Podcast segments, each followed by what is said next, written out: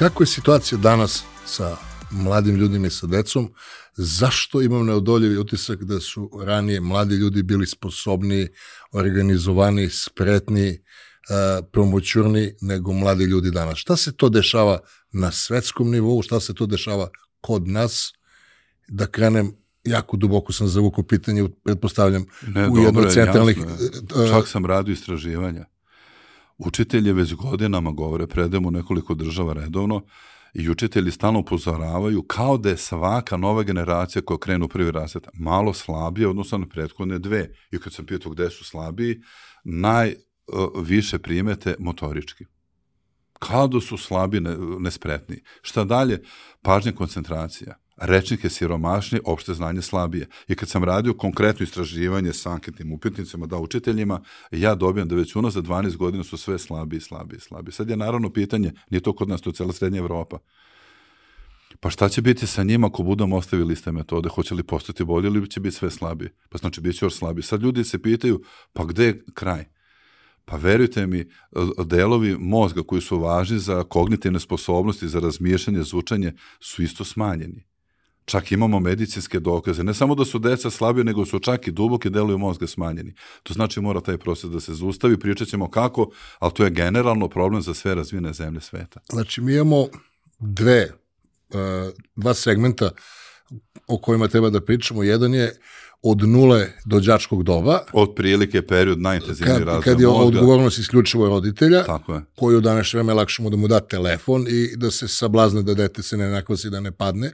Da. I drugi je period kada svi ostali počnu da se mešaju, ali uglavnom je kor oko škole oko školskog sistema koji je napravljen pred 200 godina. Školski sistem je zastiru, to svakako, to ćemo pričati, ali mislim da je važno ovaj prvi deo programa. Ljudi tu jako greše. Evo, sad ću da samo primjer, mi smo danas kad smo došli u Beogradu, otišli u NTC klub tu u Beogradu, da ja puštam decu da idu u dvorište da se igraju.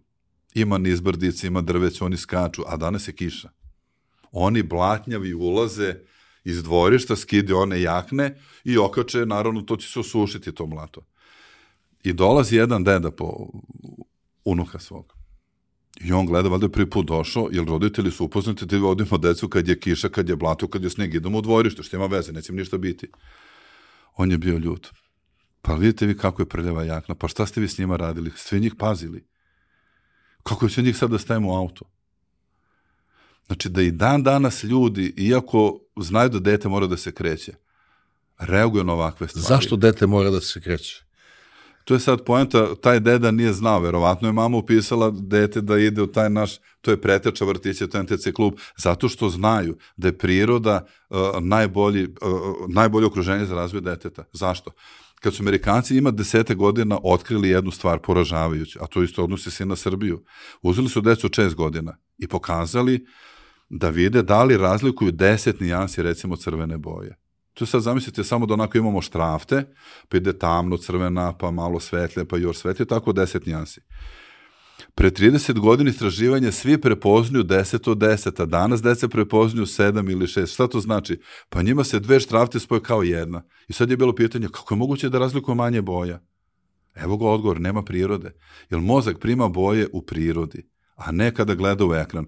To znači da naše deci nedostaje priroda, a priroda je osnovni faktor razvoja deteta, ne samo za, za boje, nego za sluh, koliko dete čuje u prirodi zvuka, koliko čuje kad gleda TV.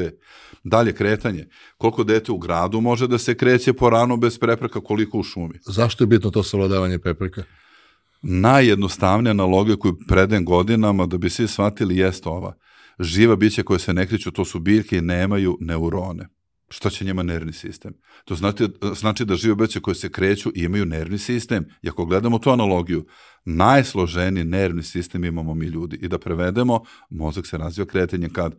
Pa najviše, do treće, do pete, do sedme i dvaneste. Šta je posao deteta? da se kreće. I šta je sad tu važno? Mi smo radili istraživanje, uzeli smo detu, decu gradsku od 5 godina kada dođu na te naše kampove i stavili sat one za maratonce da vidimo koliko će da pređu kilometar od 9 ujutru do 6 pre večere i ništa, nije bilo forsiranje. Livada, igraju se, idu u šumu, trče, donose grane, prave neke kolibe, onda neka radionica na otvorenom trče, igraju se. Kad sam pogledao uveče sat, pre nego što kažem koliko je kilometara, evo svako ko nas gleda nek samo zamisli u glavi koliko gradsko dete, prosečno naše gradsko dete dnevno pređe kilometra radnim danima. Kad radim ankete na predavanjima, kažu roditelji pa dva, tri. Neki kažu i manje. Neki kažu tri, četiri.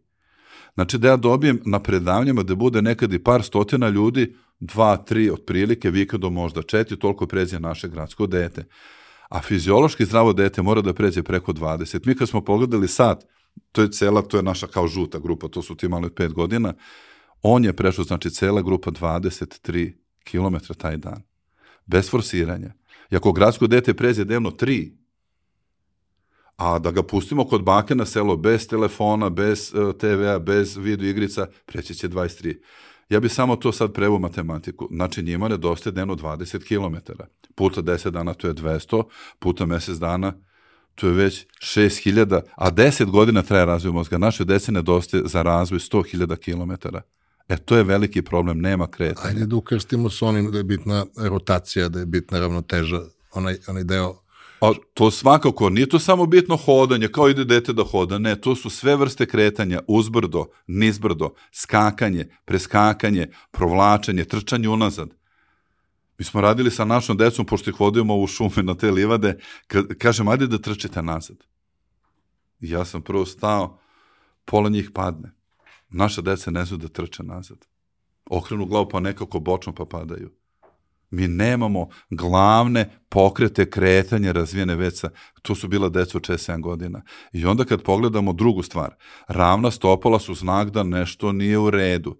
Mi smo u staroj Jugoslaviji imali od 6 do 11% ravnih stopala svake godine se na sistematskom to gledalo i to je bilo otprilike, ajde kao to je genetski. A danas preko 50%, neki graduju čak i 70%, a još gore, neki graduju čak i ne uzimaju otisak stopala i pitan kolege pedijatre, pa zašto na sistematskom ne, ne uzimate? Svi imaju ravno stopu. Pa kao svi imaju, što bi to radili? Pa radite da vidimo šta se dešava. I naravno, sad svi razumiju, zašto su svodovi stopala spušteni? Pa nema kretanja. Nema temešić dole. I onda recimo, da bi sad svi to upamtili, evo dobra prilika da kažem, šta znači kretanje? Britanska olimpijska reprezentacija je imala problem sa povredama stopala, znači spušteni svodovi, poprečni, uzdužni, deformiteti stopala, što je jako važno za sportiste da mu stopalo bude zdravo. I onda je njihov medicinski tim odlučio da ide da ispituje narod u Meksiku, to su neki indijanci, ako nekog interesuje, nek pogleda na sajtu Tara Humara. Tara Humara, to su indijanci koji žive u kamenoj polupustinji. Oni imaju stopala kao iz atlasa anatomije maksimalno savitljivo, levo, desno, napred, nazad, svi tetiva pod određenim uglom, sve kako treba. I išli su da vide kako je moguće da imaju tako zdrava stopala.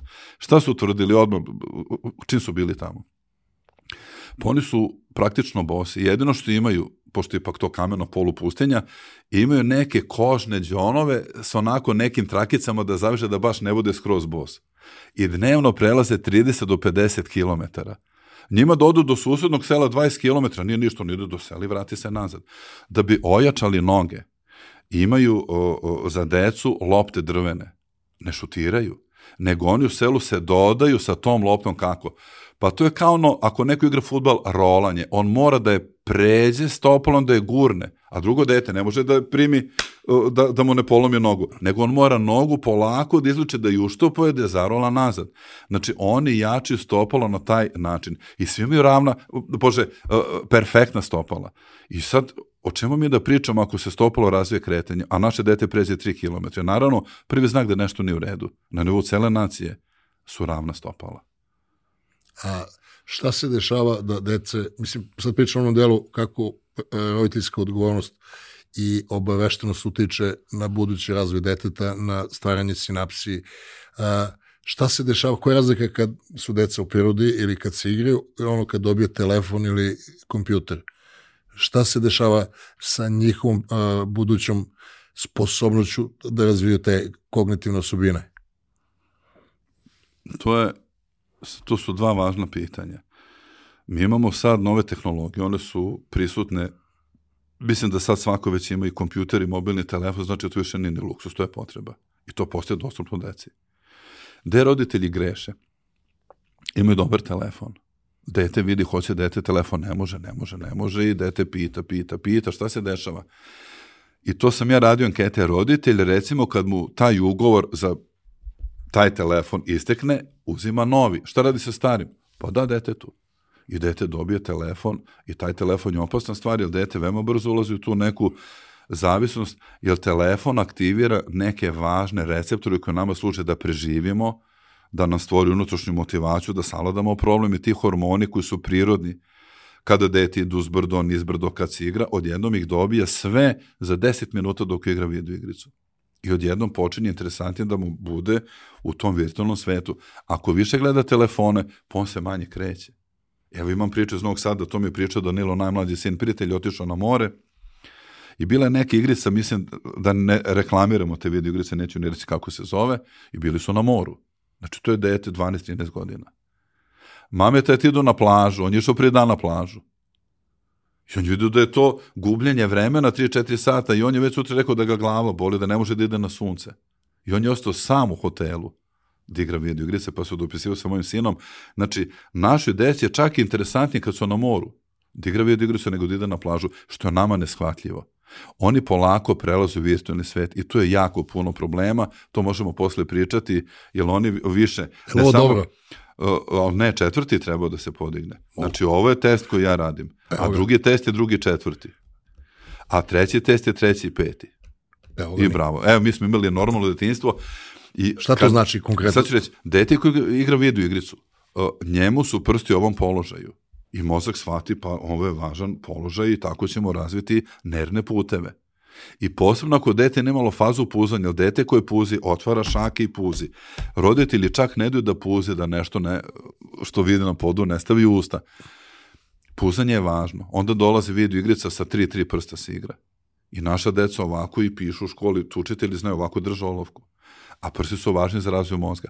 I sad ću pričati o prstima, samo da dodam, ali dete ko gleda u telefone razvija dinamičku akomodaciju oko koje je važna sutra za čitanje, za koncentraciju. Nema socijalizaciju. Ulazi u bolesti zavisnosti. Ne razvije duboke regije mozga. Nema kretanja. Mislim da dalje ne navrame već 5-6 negativne stvari smo rekli. E sad za prste. Da bi proverio da li dece imaju razvijene prste finomotoriku, radio sam test, već ima nekih 8 ili 9 godina, u, radio sam u nekoliko vrtića u Srbiji, jednostavan test, kažem deci od 5 godina, podignete četvrti prst, već tu vidim da njih 30% ne može. Ovako podignu dva prsta. A spojeni su četvrti i peti. Jer jedan živac iz mozga aktivira ta dva prsta. Znači da oni još u mozgu nisu odvojili ta dva prsta. To je već problem. Ili kažu, mogu ja pa ovako sami podignu prst. Ja sam, znam za te živce, ja, sam, ja nemam ulnaris na levoj ruci u nekoj Evo, povredi. Ulonis kontroliše dva da, prsta. Tako da znam kako se zove, ne, nije show off kao je, ja znam. Da, da, da. Ali sam... šta je tu problem? Mi možemo sve prste, oni ne mogu četvrti. Onda kaže, majmo decu da uradimo malo teže. Evo svi koji nas gledaju neka probiju drugi, četvrti, sledeći test. Mi možemo, naša deca ne može mogu. da ne izmeniš. A, ne, ne, mora zajedno. U istom momentu četvrt, drugi, četvrti. Da, a najteže da ljudi vide kako radi mozak neka sad ako gledaju podignu ovako treći i peti, pet, šest puta i sad većina koja gleda neće moći iz prve, pogrešit će, pa će uspeti da tu rade. Zašto? Jer mozak tu dugo nije radio, mi te nervne puteve imamo, nismo ih koristili. Evo ga, zalepi mi se srednji. A tako mozak radi, znači ne može iz prve da podigne, ali imamo fokus i mozak šalje impuls i podignemo posle par sekundi treći i peti. Naša deca ne mogu, pa ste ni četvrti. To je meni prvi znak da nešto nije u redu. I znam kad držim seminare, pošto je program akreditovan ne samo u Srbiji, nego u celoj Jugoslaviji, plus nekoliko država Evrope, neko pogrešno razume, pa onda sva, deso, majmo deso, 10 minuta da podižemo četvrti prst. Kažem, nemojte ljudi, to je test. Kako se fina motorika aktivira?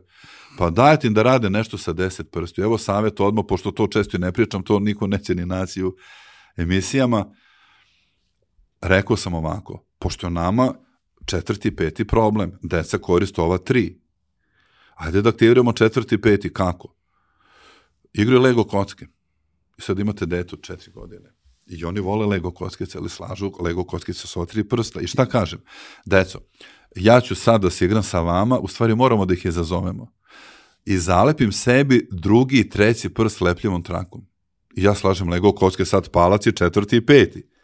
Kažem, vi nemojte, vi ste mali. To je samo za decu od 5 godina, oni imaju 4. On istog sekunda hoćemo mi. A šta je druga opcija da im kažemo? Decu zalepit ćemo lepljivu traku na drugi, treći da bi razili finu motoriku, neće niko da me sluša. Znači moramo da ih izazovemo, e, to je dopamin. Da, Izazov je dopamin, a dopamin mora da pokuša, jer ako uspe, a to je za 10 od 5 godina, on dobije hormone, sreće, endorfine i to su naši motivatori, to je unutrašnja motivacija. Ali dete neće da se motiviše, neće da radi, sve dobilo u virtualnom svetu. Zato je naš posao da znamo gde su razvojne smetnje, zašto su opasne i kako da ih prevaziđemo kroz neku igru. Sad sam eto dao Lego kocke, zalepimo drugi, treći prst i kažemo to ne za tebe, ti si mali i oni automatski aktiviraju četvrti peti. To su dva važna prsta. Šta su ono e, što kažu du i ne, kako se ono kaže ovo da, ovo ne.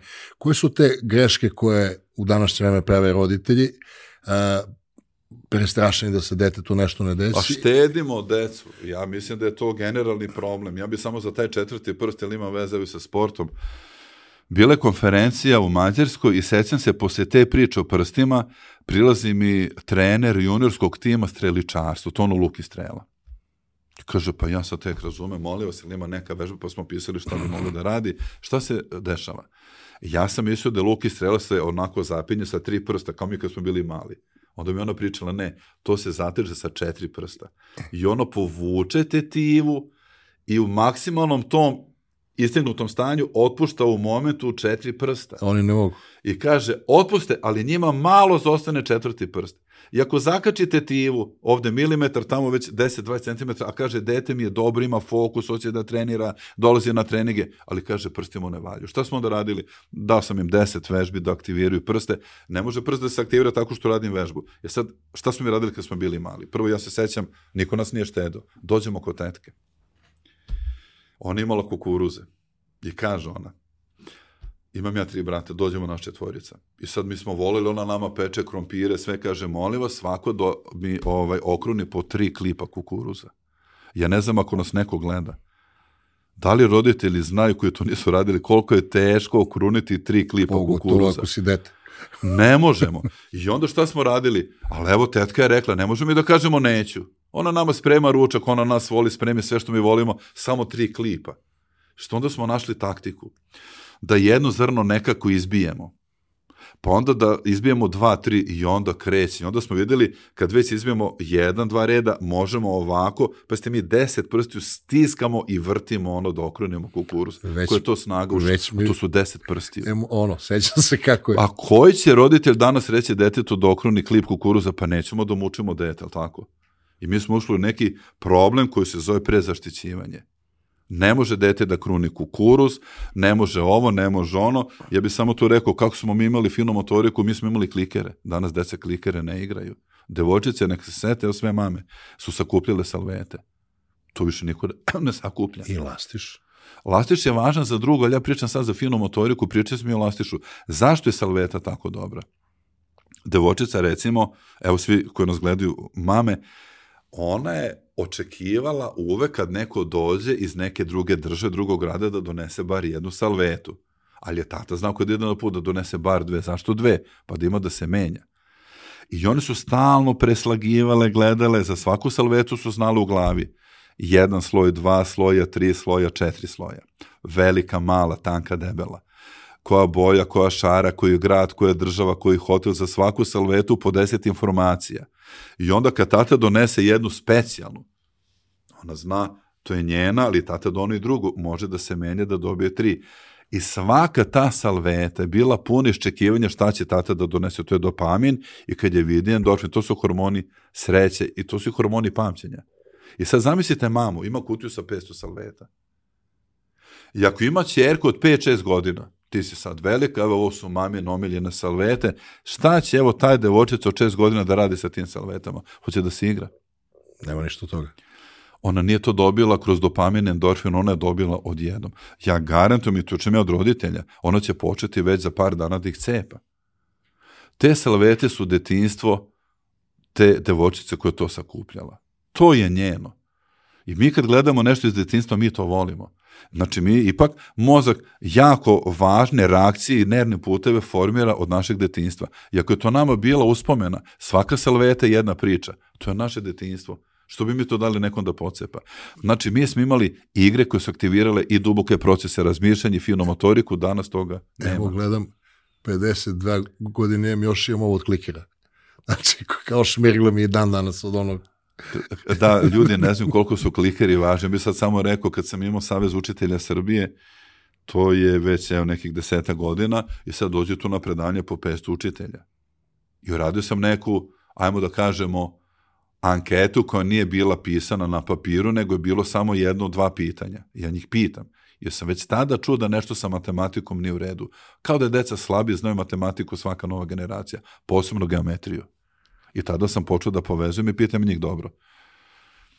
Ako ste imali pre 20 godina, to je bilo pitanje za učiteljice koji ipak malo duže rade, ako ste pre 20 godina imali pet najboljih učenika iz matematike u vašem razredu, da li su to bile devočice, dečaci ili pola-pola, recite mi neku, neki odnos, oni kažu, pa 5-0 ili 4-1 za dečake, bilo je i 3-2 za dečake. Uglavnom, 90% su rekle 4-1, 3-2 za dečake. A pitam, a danas? Pa sad je otprilike 3, 2, 2, 3, tu su tu negde, ili su devojčice malo bolje dečaci, to znači, a ja njih pitam, da li to znači da su devojčice postale bolje iz matematike ili da su dečaci postali slabi, kažu učiteljice, svi su slabiji. I sad idemo na jako važno da odgovorimo šta su klikeri. Ako su deca sad slabi iz matematike, posebno iz geometrije, a mi znamo da mozak razvije sve nervne puteve najviše do 7. 12. godine. To znači da naša igra definiše naše sposobnosti. I onda sam gledao po koje su igre bile dominante za dečake, klikeri i futbal. A sad da li futbol aktivira matematičko, ne aktivira, shvatim da je poenta u klikerima. Šta se u klikerima dešava? A, posebno ću sad pričati o geometriji. Mi smo imali igru kada se gađa u rupu, pa onda kad pogodimo rupu idemo dalje da možemo da odnesemo I to su igrali čak i devojčice. Tu se gađa sa drugog ili trećeg prsta. Dečaci su mogli sa trećeg. Mnogo, mnogo jače izlazi taj kliker kad je s trećeg. Devojčice su sa drugog. Ali onda bili je malo, malo teža. Trogao, ako se neko seća Kako trogao. ste zvali to? Na trogao, u novom, ja sam u Bačkoj Palnici, mi smo trogao, šta to znači? Igramo tri dečaka. Mi smo ga zvali keke. Dobro, ali mi idemo, tri dečaka, svako stavi dva klikera u taj trogao. I onda gađamo ne smem da pogodim svoj, jer gubim pravo na potez. Ja moram da pogodim od druga dva igrača, ako ih izbacim iz trogla, to je moje. I šta se dešava recimo potez? Treba da gađam, tu je moj kliker, tu je trougao, moj kliker je na početku trogla, ja gađam odavde, a iza je protivnički kliker. Kako da ga pogodim? Ja sam shvatio sam, podižem ruku. Znači ja moram ipak 10-20 cm, ja držim ovu ruku i sa trećeg prsta izbacujem kliker kao laserski zrak. Pogodim, izlazi, ja ga nosim.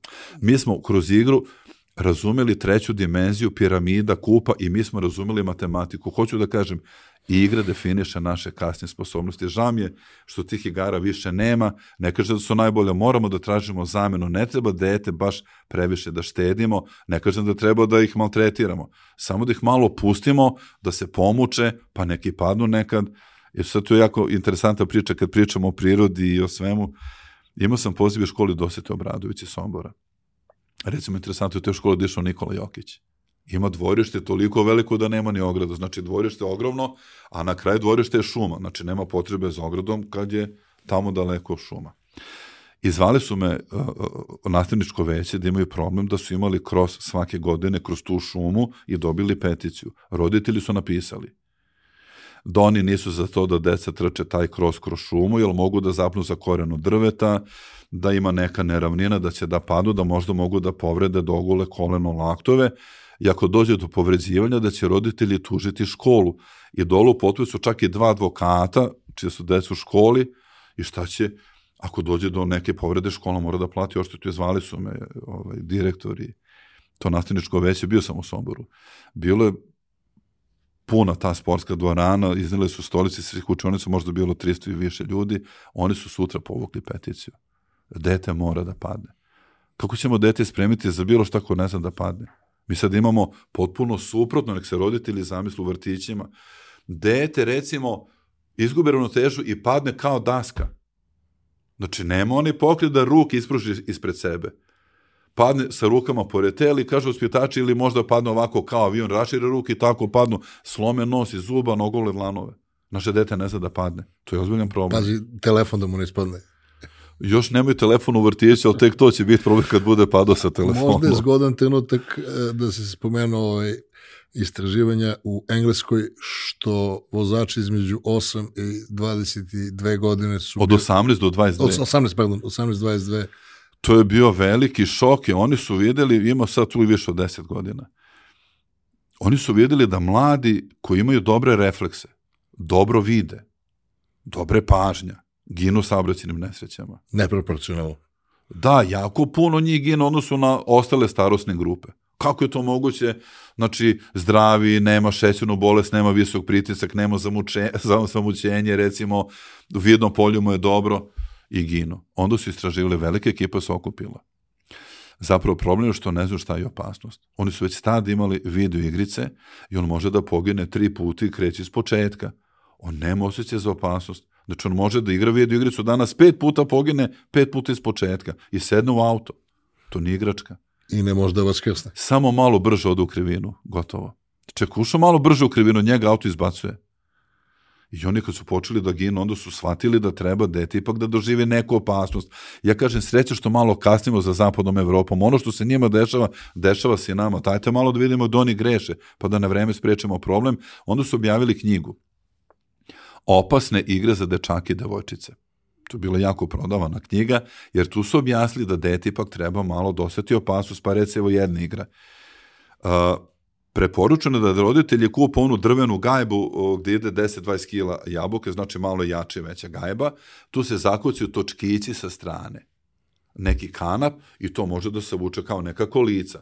Dete vuče kolica, drugo dete sedi u tim kao kolica kola i ako se prevrne, neće se jako povrediti, možda će guliti lakat, koleno, neće se povrediti jako. Pa čak su onda rekli, možete ako se plašite da stavite kacigu, i roditelji su počeli to da uvažavaju. Znači da mi moramo našim roditeljima da malo otvorimo te neke vidike, mora dete da prođe kroz neku opasnost, ne da bude ugroženo, a to je opasnost koju mi roditelji u nekom sigurnom okruženju možemo da napravimo.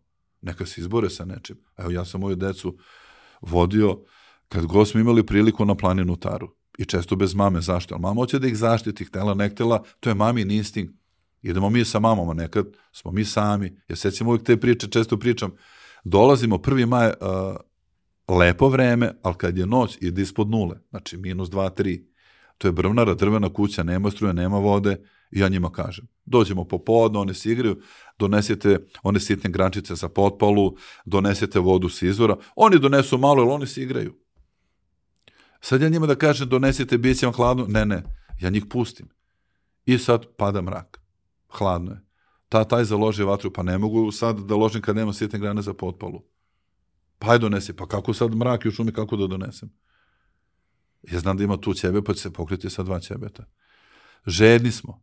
Pa ste doneli vodu sa izvora, pa jesmo. Pa de, popili smo. Ostim ja malo vode da dan svako pogutljaj. Sutra, nisam ništa rekao.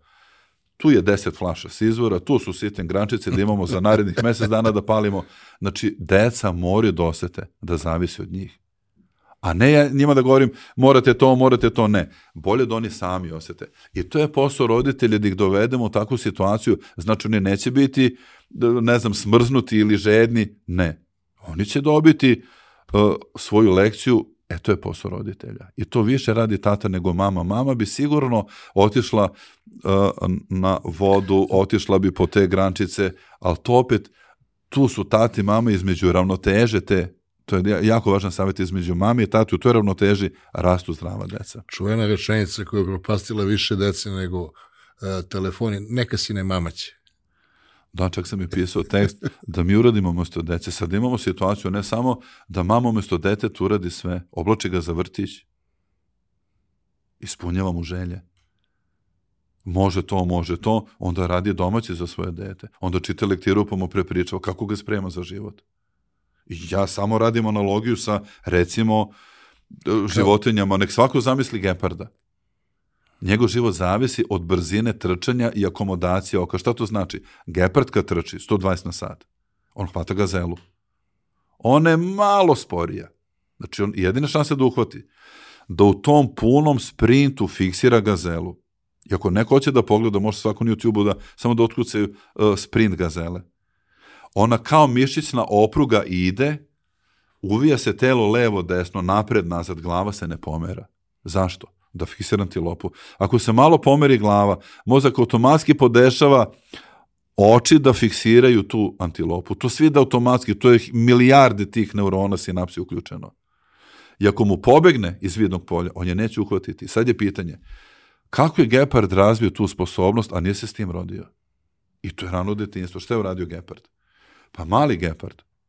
Sa bratom, sa sestrom trči, preskače, provlači se, penju se, paduju, dođe mali Gepard, udara mamu po glavi, hoće da se igra, ona ga šapom odalami, on se vrti i pada, u tom prevrtanju se sprema za život. Ne kaže da mi treba da udaramo našu decu, ali Gepard se tako sprema za život. Šta je suprotno?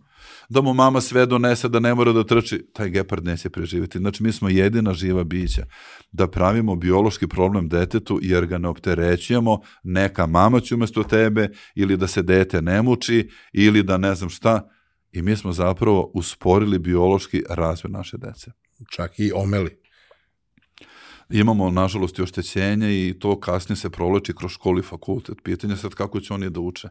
I vidimo u školama se kriterijum svake godine malo više smanjuje, što je posebno bio problem, sećam se u Crnoj Gori ima dve godine, objavili su listu.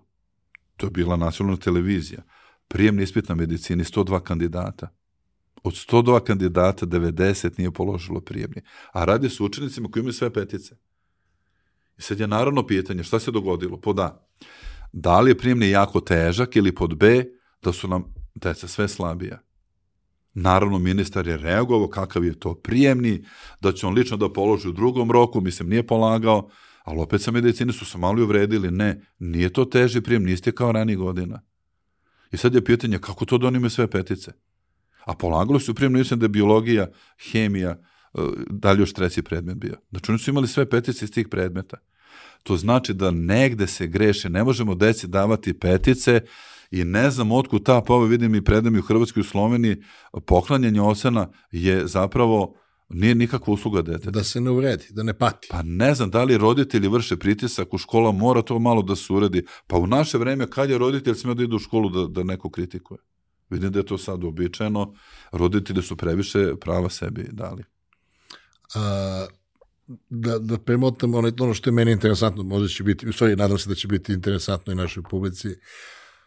Dete kad se rodi ima kapacitet svašta nešto da radi i neuroni, odnosno ove sinapse koje se ne koriste, one se izgube. I ako se ne razvijaju, pa sad sam te onaj deo kad se deca okreću ko svoje oče. Da, da, da. Kad... E sad ću to objasniti, ali to baš nije tako da ljudi se ne bude. Znači mi kad se rodimo imamo sinapse ali mozak vidi da neke nisu važne, one su bile važne i intrauterino. I onda mozak odjedno, znači uh, fetu, znači dok se beba nije rodila, već je mozak formiran, sva čula su formirana već u petom, šestom mesecu. To je sve povezano. I sad se beba rodila. Šta je sa tim senapsama? Mozak ih resurba, one nestaju sad kreću u druge. E, te, o tim drugima pričamo. Te druge kreću, razviju se, najgušći su između druge i četvrte godine. I mozak tada vidi To što je važno ostaće, to što nije važno nestaće. I profesor Lichtman sa Harvarda, mislim da će možda dobiti Nobelovu nagradu, je dokazao neuron koji ne radi, on umire, on se bori za svoj život. Recimo, dva neurona uhvate mišićni snop, jedan ga preuzima, drugi šta bude sa njim? Umire. Znači, one se bore za život. Mi to ne svetamo. I u toj borbi koje neuroni prežive? Oni koji nešto rade. Šta ako ne rade?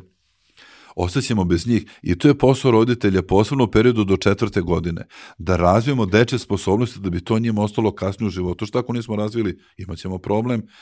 I to sam čak opisao u mojoj prvoj knjizi kod deteta briga roditelja. Jedno dete u Italiji kreće u školu. I sad roditelji znaju da je dete slepo na jedno oko. I na medicinskom pregledu, oni sistematski preupisu prije razred, pitali doktori, pa kako je slep? Kažu roditelji od rođenja. A kako udruženje, tu i oko, tu nema nikakve povrede.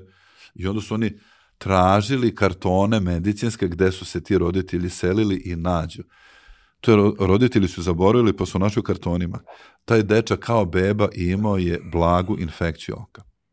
I dobio terapiju.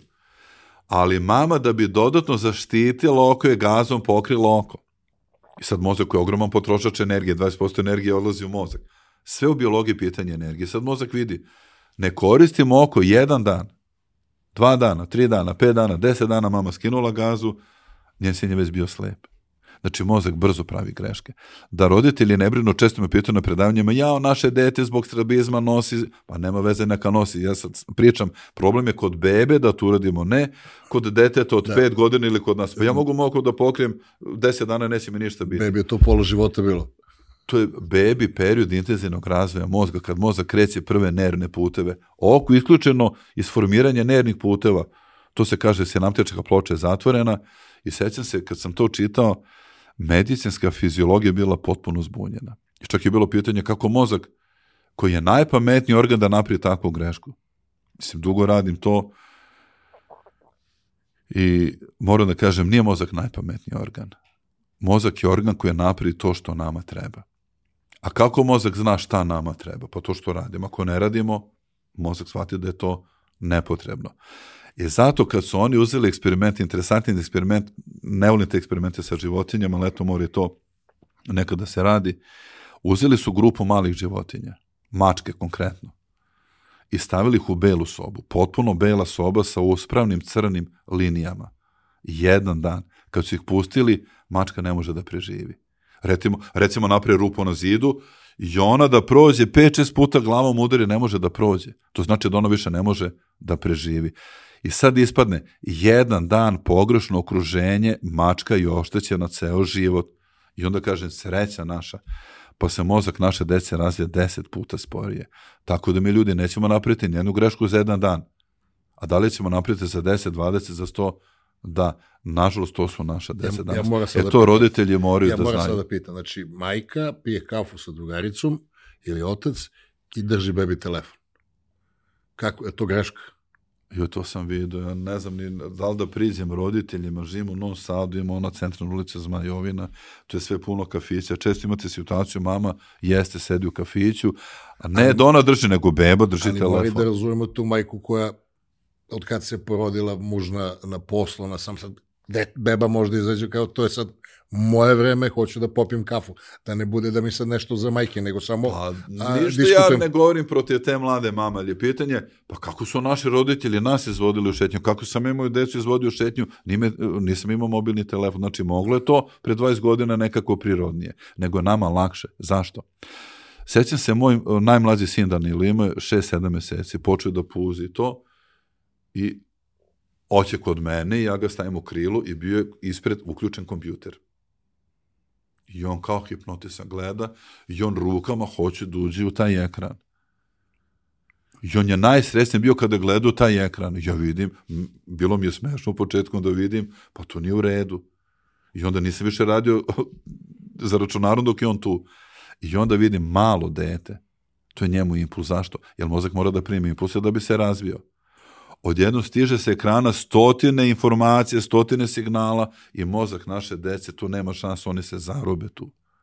I zato je jako važno čuvati decu tih novih tehnologija. I naravno roditeljima je lakše. Dete plače, evo ti telefon. Čak sam video da hrane decu tako što im uključe telefon. I onda dete gleda i mama ga hrani. A pa sad samo proces hranjenja gleda u ekran i jede. Pa on mora da gleda u hranu, dete mora da gleda u hranu, da misli o, o, o tom žvakanju. Zašto? Jer ako ga naučimo da jede uz 5 minuta ili 10, on će to tražiti sve više i više. Sve me uhvati što kažu nezgodaci, poč, počeo sam da se češam, da gutam knedlu, brišem naoče, baš mi je to onako... Uh... Ali to roditelji rade, ali to njima olakšava posao. I uh, opet se vraćam nazad. Ja sećam, uh, od mog oca porodica sa Kosova, Banjica kod Peće. Mi odemo kod baba Đurđe. Ja sećam toga, to su najlepše detinjstva. Mi spamo kao sardina na nekoj slame, nema tu ni kreveta. Dođu njeni sinovi, stričevi dođu, dođe, ima po 15 dece. Ja se sećam toga kao danas. Kaže ona, bilo nas puno dece, Duško je najstariji, ima 12 godina, i su svi mlađi, to od 7 do 12 godina. Duško, ti si najstariji, imaš sat imam. U jedan da ste na ručku. I mi odemo, to je neka rečica, mali potok, to je jedno pola sata, pola sata nama ništa. Pregradili smo kamenje i od tog potoka napravimo malo jezerce. Skačemo, kupamo, to je ledana voda, nama je lepo, mi skačemo, plimo, kaže Duška, ajde moramo da idemo pola jedan, mi kažemo, porekle babu jedan. Duško potreba nam, ma igralo se, i mi smo se igrali možda je bilo 10 do 1 i mi zakasnimo, dođemo mi u 1 i 20, pola 2, vidimo sad sve pojedeno, hladilo se, oni pečeni krompir, ona mast, onako sve se stvrdnulo, kao bako, ručak, kaže ona, eto, to vam je što vam je. Ručak je bio jedan. I mi smo to jeli. Sutra svi smo bili jedan na ručku. Ona je nas naučila bukvalno za jedan dan kad se jede. Dona nama, ajde da jedete. Ne, to je to. I neka se roditelji sete. Ako dete neće dede, pa nećemo ništa biti. Jer danas roditelji često, ja, mama, molite za moju ljubav još jedan zaloga, pa mama trči po kući sa kašikom ili ima da video igricu. Mi kad smo bili mali, neka roditelji se sete, mi često nismo dolazili na ručak ili užinu ili na večeru jer smo se igrali. Nismo hteli da prekidamo igru pa smo govorili mama nismo gladni. Znači mi smo preskakali obrok ili dva, ništa nam ne fali. A naše dete mora sve po redu, određeno vreme, nećemo ništa biti. Ako neće da jede, nema veze, jer će, nije jeo kad je ručak u dva, pa jer će u sedam, vidite kako će dede kad ogladni. I sećam se kad jedna mama na predavanju rekla, doktore, samo malo da vas pitam, vi baš imate neke spartanske metode. To znači da je za naše mlade roditelje preskakanje obroka postala spartanska metoda. Evo dokle smo došli, sad ću još jednu anegdotu, e, stari sin e, Vuk ima dva deteta. I tek on vidi šta znači mama, šta znači tata kroz praksu sa svom decom. Mama odlazi sa starijom čerkom, negde su otišle, nešto su morale da idu, i Vuk ostaje sa sinom videokom koji ima godinu dana. Ali on je sve dobio, u koliko sati dede da podgar ovo, da izvadi sve spremno, znači Vuk samo treba da ugreda da videoku da jede. I on se igrao, zagrao se, da su oni slagali neke vozove, voziće, knjige, Lego, kocke, i vida kuste, on još ne priča. I on gleda u, u, u svog tatu i, i, i odlazi. Odlazi iz sobe. Vuk naravno završao to što je radio, nema videka, krenuo za nje da vide da otišao. Vidak otišao u kuhinju. Uzo tu gde su oni otpaci oljušteni od krastavca i uzima i počinje da jede. I Vuk shvatio, ja, po pre sat vremena sam trebao da mu dam ručak. I Vuk odmah, naravno, sprema ručak. Tate malo opušteni u toj nekoj u tom odnosu sa decom, a mama mora u određeno vreme toliko da pojede, kad jede, kad južina, e to je mama. I nije to ništa loše, to je mamini posao, mama ima hormone koji je teraju tako da radi. Jer hormoni, to ljudi ne znaju, hormoni upravljaju našim životom. Znači, mama ima druge hormone, tata ima druge hormone. Mamini hormoni je tu da zaštiti dete, da mu se ništa ne dogodi. Tate malo tu komotni. I baš kroz taj primer uh, mog sina Vuka i Snaja Jovane se vidi taj odnos. I u toj ravnoteži će da rastu zdrava deca. Kad pričamo o ta ogromna snaga hormona, samo je to ljudi neka pomisle, a svi to znaju. Losos kad krene u Kanadu kroz reke, on prelazi ne znam koliko hiljadu metara nadmorske visine, on pliva uz vodopad. 50% ih pojedu medvedi. Ko snaga njega vuče da ide u potok gde si izmrestio? Kaže neko instinkt, ne, to su hormoni. Oni ga vuku tamo.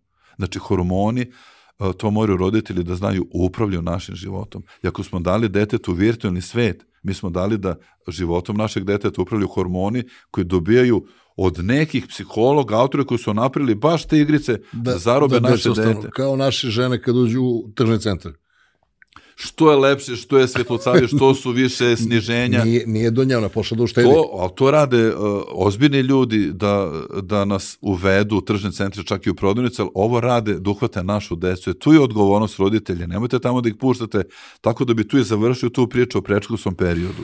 Roditelji su najodgovorniji i moraju da znaju ove neke stvari da bi pomogli da detetu. Da budu relaksirani oko kontrolisane opasnosti Znači, da u određenom okruženju može da radi šta hoće.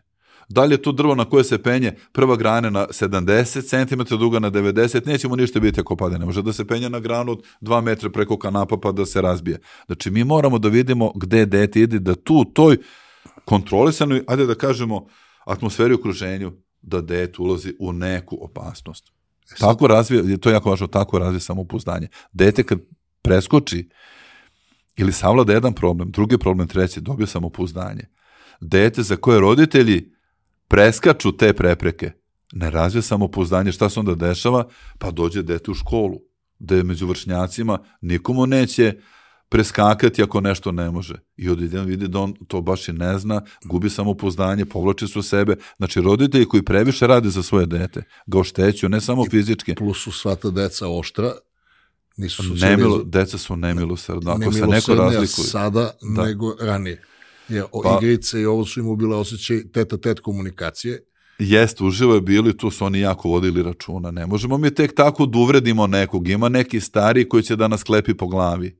I mi smo morali da se ponašamo ne u školi toliko, nego na igralištima. Hoću da igram košarku, futbal, uh, neki sport. Ne mogu ja baš da radim po mom razmaženo. Nije tu mami i tata da me zaštite, tu smo sami mi. I ja mislim da se tu jako lepo razvijelo to ponašanje, socijalizacija. A danas deca ne jedu više ni na igralište, evo pogledajte parkove. Tu jedino deca do pete godine sa mamom, sa tatom, a starija deca, gde su nam ta deca? Na telefonima. Moguće, ali nema ih u parkovima, nema ih na igralištima i to je problem. Ja ne znam kako je sad, ali uh, u vreme kad sam ja išao u školu, mi smo mogli koji god sport poželimo da treniramo. Iz Bačke Palanke sam, hoću u kak, idem na kak, hoću košarku, hoću stoni tenis, hoću futbol. Mi smo svi trenirali 5-6 sportova. Danas toga nema. I to je važna poruka roditeljima. Upišite dete na sport. Nemojte ga voditi na 100 aktivnosti. Balet, engleski, košarka, ne znam, skijanje, mačevanje. I roditelji vode dete svaki dan jednu aktivnost. Izaberite mu sport i eventualno još jednu. Ne treba dete opterećivati i često to i predajem, jer deči mozak radi drugačije. Sporije nego naš. Oni su na teta frekvenciji, to je spora frekvencija. Zašto? To je fiziološki. On sve mora, dete mora sve da vidi, da analizira, da to prihvati, da obradi i da ide dalje. Svaki put kad nešto vidite, je novo iskustvo. I dao sam primer, ima tih lepih testova, pišu i moji saradnici, ovo konkretno čerke Iva pisala, deči sad drugačije kuca. Dete kad vidi pticu na prozoru, dete od tri godine, vidi pticu i gleda, ali to traje, to traje, ptica je sletela. Ptica je pozobala, pozobala par zrna, bila je malo tu i odletela. To je glavni događaj za to prepodne, za to dete. A za nas je to došla ptica, otišla ptica. Znači, deči mozak mora da radi sporije, da sve prihvati, da nauči zašto ovo, zašto ono da povezuje. I šta mi radimo? Šta je suprotno? idemo na jedan trening, na drugi trening, na peti trening, na deseti trening, dete više nema vreme za sebe. Ne grupiše povodke za jednu stvar da, da napreduje. To znači moramo usporiti dečiji mozak, on je već spor. Nemojte vi da prekidate to vreme dečije. I to je to poenta deči sad drugačije kuca. Ne možemo mi naše neke ideje da forsiramo preko deteta, oštetit ćemo ga. Dete mora da ima svoje vreme za sebe i neka mu bude dosadno i to možda je jako važan savjet za ovaj prvi deo priče pre škole za vrtić. Dete kada ima dosadu, počinje da misli. Traži igračku, hoće da se igra, znači, to smo mi radili. Ne konzumira, nego kreira situacije. Čak i ako mu fali igračke, što je jako važno. Oni osmisli igračku koja nije tu ili deo u glavi da odigraju sa tim što je u mislima, sa tim što ima. To znači puno igračaka ne vredi puno. Bolje malo igračaka. Šta je problem? Ako kažu danas, dosadno mi je, evo od mi ide TV 20 kanala, mi ćemo tebi da pomognemo, a što su nama roditelji govorili kad smo rekli dosadno nam je? Što su ovo, igraj se samo. Igraj se. Pa to je najbolji savjet. Sećam se koleginica moja, Tijana Stoja, naravno voli svoje dve ćerke i ona je super i šaljiva i to. I sećam se priče kad je ćerka došla, mama dosadno mi je. Kaže Tijana, čekaj, ja sam negde čitala da samo glupo deci dosadno, ti si pametna. I ćerka se okrenula, tešla da se igra. Znači, nije ništa izgradila. Ti si... Pa- I poenta jeste, neka se deca igraju sama. Jer ako gledamo dosadu kao dosadu, taj fenomen, to je stres, to je neprijatno stanje a mozak mora nešto da radi. Šta je najlakše? Pa da uzmemo video igricu i da mi sami sebi blokiramo dosadu. A šta je drugi način? Da kreiramo nešto. A šta je, dosada je zapravo nedostatak nekog impulsa, šta je, kako definišemo dosadu? Mozak nema aktivnost fokusiranu. I onda je dosada. Neka svako proba, evo mali test, sedite na stolicu, gledajte u zid, u beli zid. Ne levo desno, u beli zid. Gledajte, probajte pet minuta Samo 5 minuta. I nek vam neko meri 5 ili 10 minuta, imaćete osjećaj da ste gledali možda 20 minuta ili pola sata. Evo, to može svako da uradi sa sobom. Jer do sada je stres i pokretačka snaga da je pobedimo da nešto mislimo. Može telefon da misli da za nas, sa, za nas se vidi u igricama, a možemo i sami. I ako gledamo realno, kad se do sada pojavila u, u, u evoluciji? Mi smo učili u školi kad je čovjek pronašao vatru, počeo je brzo da se razvije. U stvari šta se desilo? Nekada davno lobanja je bila uh, malo čudnija, bila je kao neka kao trouglasta, jer su se mišići za žvakanje pripali na vrhu i dan danas se pripali, ih nema tako puno. I ljudi su žvakali, moguće da su meso žvakali 5-6 sati svaki dan. Ne može sirovo meso da se pojede tek tako. I pronašli vatru. I evo ga. Može da se pojede obrok za 10 minuta. Odjedno se pojavlja 5-6 sati slobodnog vremena. Šta su ljudi radili, pojavili se do sada? Pa morali su nešto da rade. Šta? Da zaore njivu, da stavi ogradu, da pripitomi životinje, da... Znači, oni su počeli da nešto stvaraju. E, to je poenta dosade. Mislim da je dosada stvorila čovečanstvo. A mi danas ulazimo u problem da više nema dosade i to je jako važan uh, savet za roditelje. Dete koje ne zna da reši svoju dosadu. Nauči da dobije odmah sve i sad. Nema čekanja. On ne zna da reši dosadu, to je previše uh, velik stres. Odmah sve i sad. I ako to tako naučimo dete da funkcioniše, a mozak stvara nervne putevi tako se formira i ponašanje. I šta se sutra desi ako nešto ne može? Prag tolerancije nula. Frustracija visoka. I tu su odgovorni jedino roditelji. Zato je jako važno da roditelji slušaju, da se edukuje. Promenilo su okruženje. Nema to kao što je bilo pre 50 godina kakav otac, takav sin, kakva majka, takva ćerka. To je možda bilo tako kad su deca rasli uz oca i majku 10-12 godina, a danas nama nove tehnologije preuzemaju po 2-3 sata dnevno tu neku ulogu koju su imali roditelji. I nema tu više kakav otac, takav sin. Možda će u nekim segmentima biti, ali to dete nije spremno za život ako smo ga previše pustili u virtualni svet. Kakva Viber grupa, takav sin. Ovi drugari što mu napakuju. Biti. Tako će i biti. Sad, onaj drugi deo, najavili smo ga, a, školski sistem je izmišljen u industrijskoj revoluciji da osposobi ljude da mogu da bavljaju osnovne funkcije.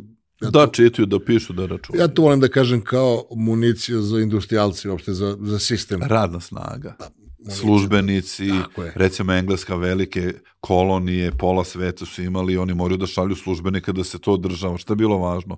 Da zna da čita, da piše, da računa i da lepo piše. Nije bilo pisaćih mašina. Jer prvo pisaća mašina se pojavila krajem 19. veka. I znači da su oni morali čak i lepo da pišu. I sad idu naša deca u školu koja je tako koncipirana, a moram da kažem, Janko Menski, veliki reformator Čeh škole, on je govorio, škola mora da bude kao igra. To je prva ideja Evrope da škola mora da bude kao igra. I to je u osnovi dobro postavljeno, jer dete kroz igru može da uči.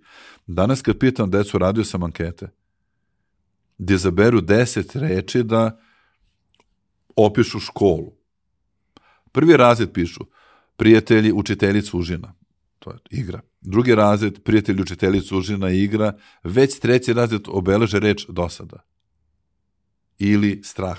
Od čega strah? Od odgovaranja. Kreću prve velike pesmice, dve, tri strofe. Imaju strah od odgovaranja, to je trema. Sedmi, osmi razred, da ne pišem šta pišu. Da, da ne, ne govorim šta pišu. Ali par reči je bilo stres, smor, haos u glavi. Samo da se vratim pola minuta, da, da zaokružim pitanje, da strukturiram, ako mogu, mada je lepo uživam, da. uh, uživam u ovom razgovoru.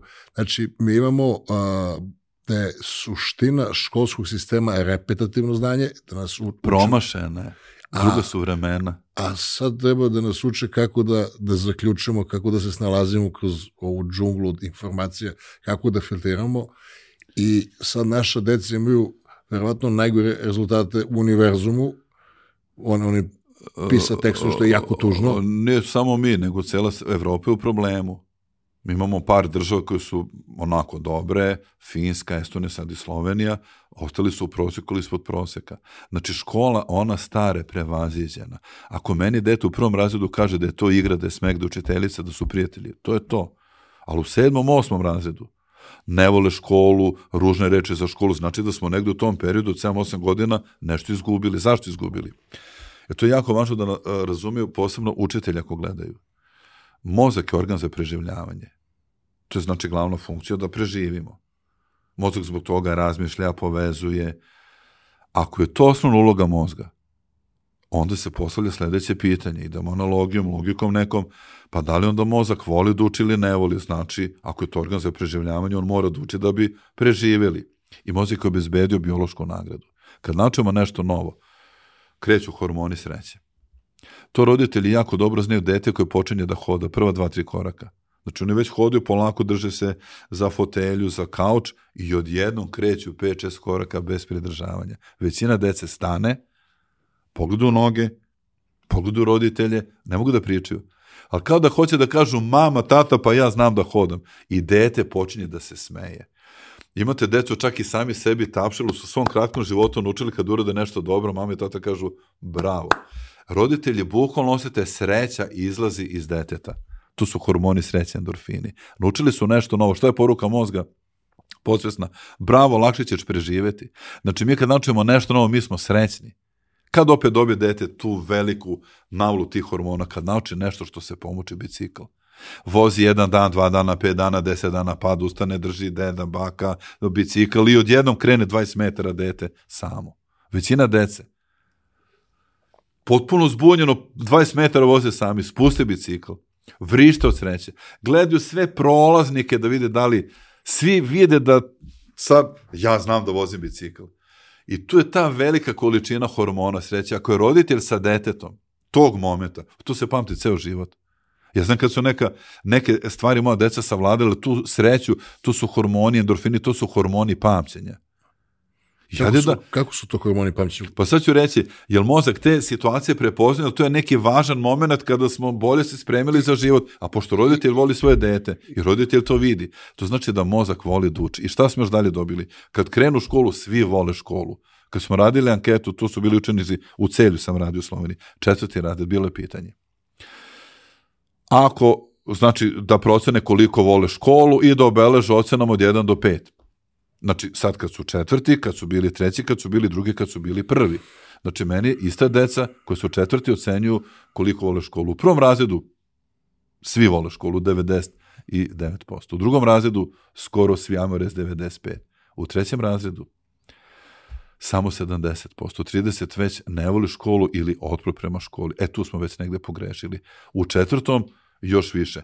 I sad je meni naravno pitanje, ako mozak voli da uči, i ako deca vole školu u prvom razredu, a već u trećem, četvrtom ne voli dete ili taj učenik, pa ko je tu pogrešio? Deca ili mi? Mislim da je sistem. Učenje na pamet nije za decu. I ja se borim, najbolje bi bilo da se to zabrani zakonom, međutim starije kolege prave otpor.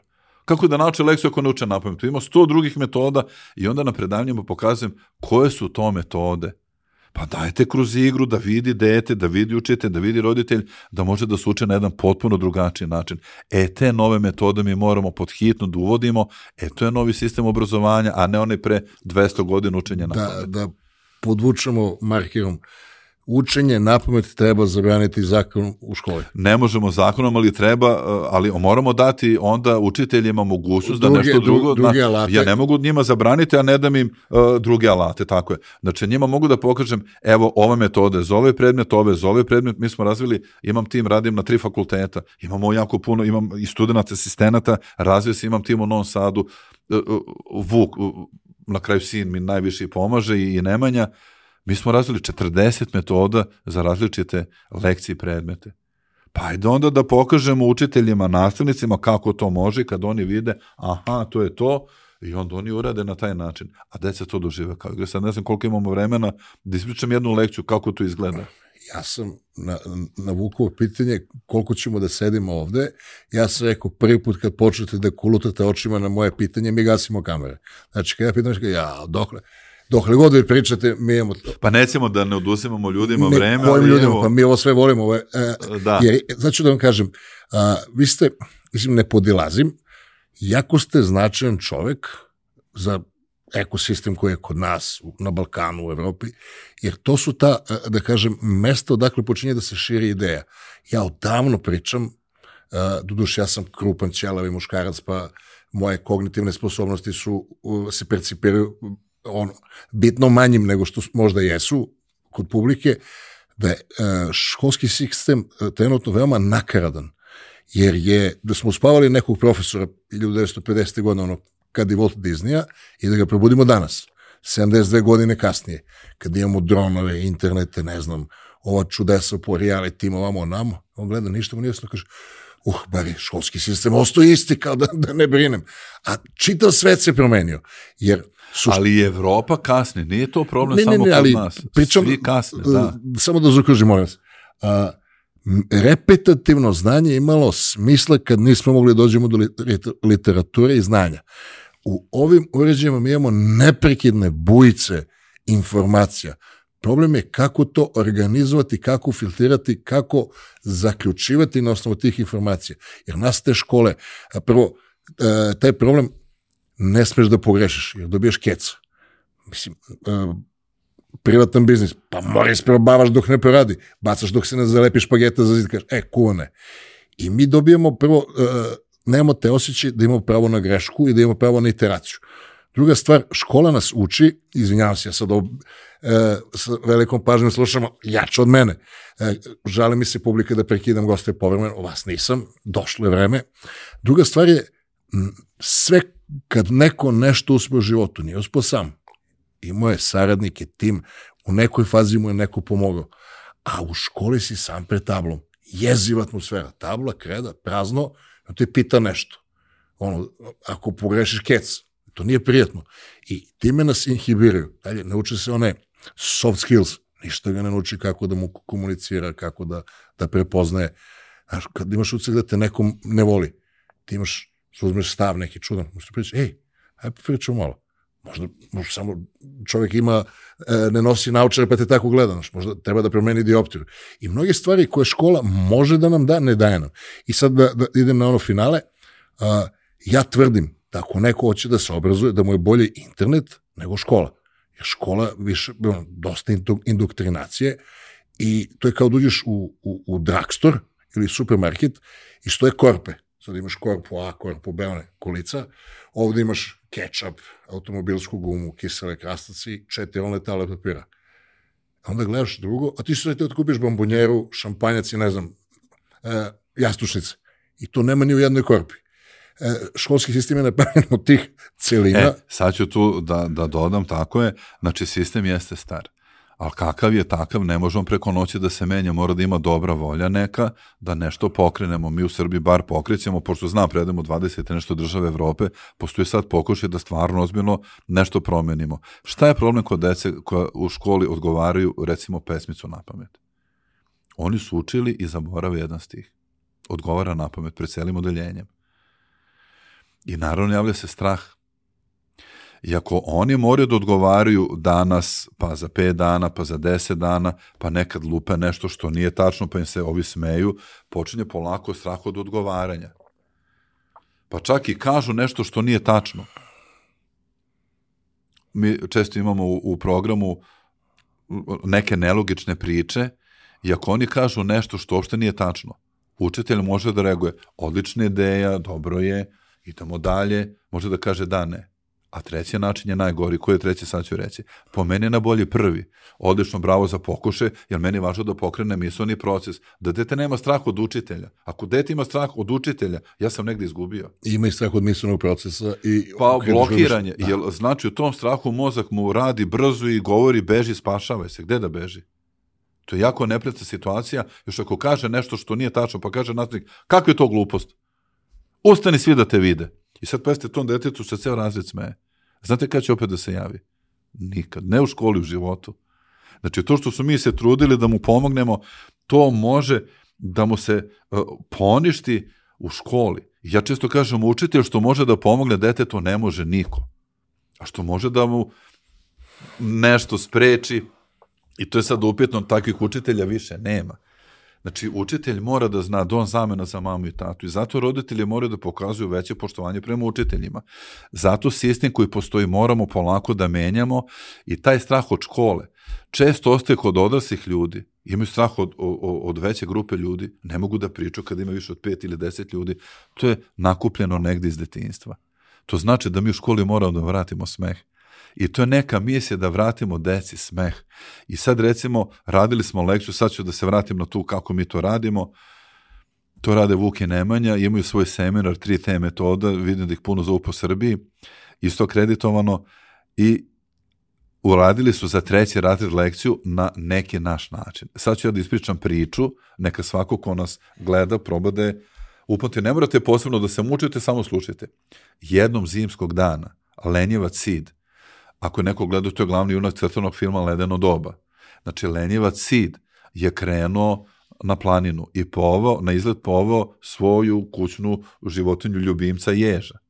I otišli su na planinu i videli drvenu ogradu. To je Taraba. Jedva se nekako preskočili i kad su preskočili videli harmonika. Što je to počeli da sviraju i otišli u Panču, u rafineriju da drže koncert. E sad pitanje, evo, zajedno ćemo, koju životinju je Lenjevac Cid poveo? Ježa. Ježa. Gde su otišli na izlet? Na planinu. Na, I šta su preskakali? Drvenu ogradu. Kako se zove drvena ograda? Taraba. Taraba. Šta su videli iz ograde? Harmoniku. I gde su otišli posle sa harmonikom? U Pančevu. U rafineriju. To je lekcija Pančićevo morika. Sad ću ispričati. U lekciji piše Pančićevo morike, drvo koje je preživjelo ledeno dobo, zato je glavni junak lenjeva cit i jedan zimski dan. Omorika je igličasto drvo zimzeleno, znači koju životinje poveo jež, asocijacija I kad gotovo jež, to iglice. Trajno zapamtio. Otišli su na planinu i videli Tarabu, a u reči Tarabu je sakrivena Tara, znači to je planina Tara. Preskočili, videli harmonika, fonetski harmonika Omorika. I gde su otišli u Pančevo, zašto? Pa Josif Pančić je pronašao Omoriku. Kada deca to vide, ne samo da su naučili, oni kažu "Št- šta je ovo? Je može još jedna lekcija?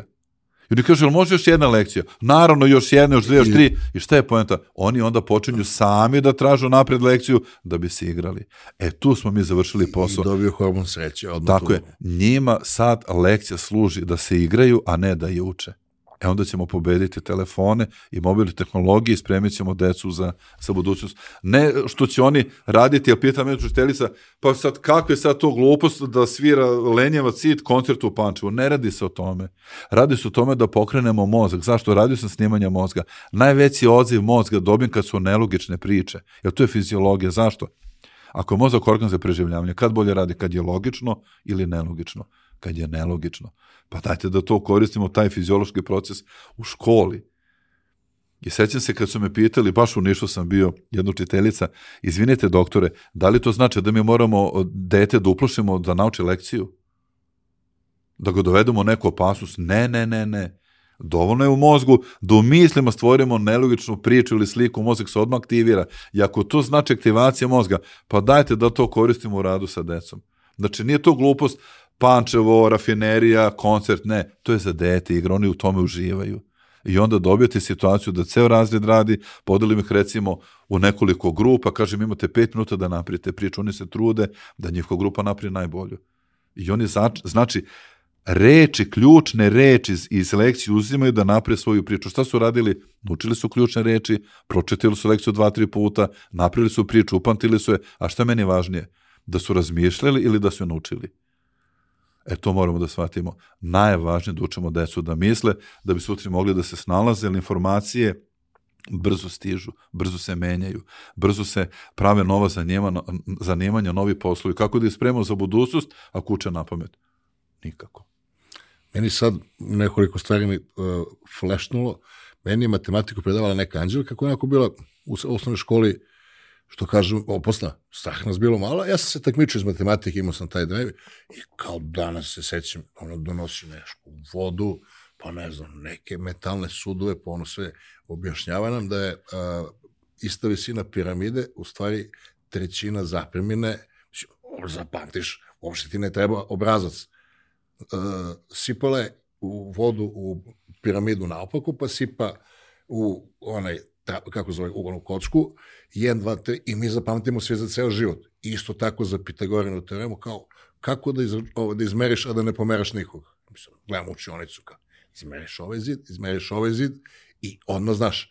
A, recimo, aj to za matematiku, ali mislim da se istorije i geografije uče iz najpogrešnijeg mogućeg ugla koje su jako bitne da naša deca doživa ovaj svet, učimo godinu, ko je koga ubio, kako, šta, usto ga dovedeš u situaciju, ovi u svađi sa bratom, ovi nisu završili puške, odavde treba da dođe. Pa da, ali ja tu gledam drugačije. Možda učimo nepotrebno reke iz Mozambika, mislim sad sam bez veze rekao Mozambik, ili rudnik iz Indije, ili ko najviše proizvodi, ne znam, boksit ili nikl. Nije to poenta.